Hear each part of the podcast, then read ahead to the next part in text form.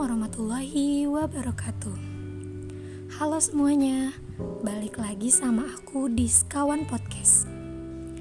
Pada episode pertama ini, aku mau mereview materi administrasi penyuluhan Yaitu konsep dasar administrasi Kata administrasi merujuk pada kegiatan atau usaha untuk membantu, melayani, mengarahkan atau mengatur semua kegiatan di dalam mencapai suatu tujuan.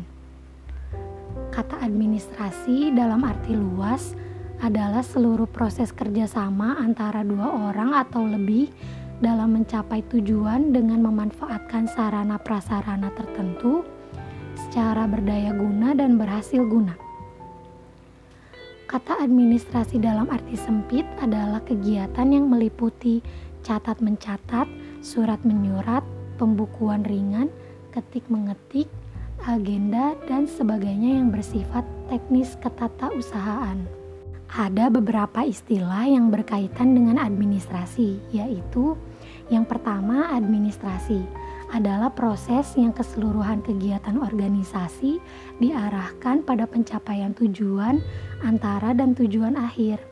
Yang kedua, administrator adalah anggota organisasi yang tugas utamanya melancarkan proses pencapaian tujuan organisasi.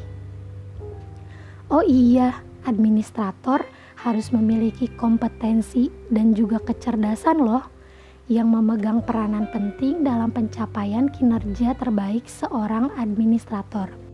Administrator harus memiliki tingkat kecerdasan emosional yang dibentuk dari kesadaran diri, pengaturan diri, motivasi, empati, dan keterampilan sosial. Lalu, kemampuan intelektual diperlukan untuk menjalankan kecerdasan angka, kecerdasan verbal, penalaran induktif, penalaran deduktif, visualisi spasial, karena pekerjaan yang berbeda-beda menuntut penyuluh untuk menggunakan kecerdasan intelektualnya. Berikutnya adalah penggolongan administrasi menurut Dr. Andes Soekarno sebagai berikut.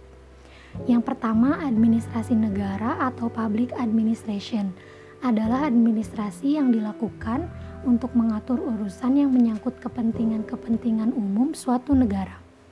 Yang kedua, ada administrasi swasta atau private administration adalah seluruh kegiatan dan tindakan swasta yang tujuan utamanya untuk kepentingan sendiri atau golongan.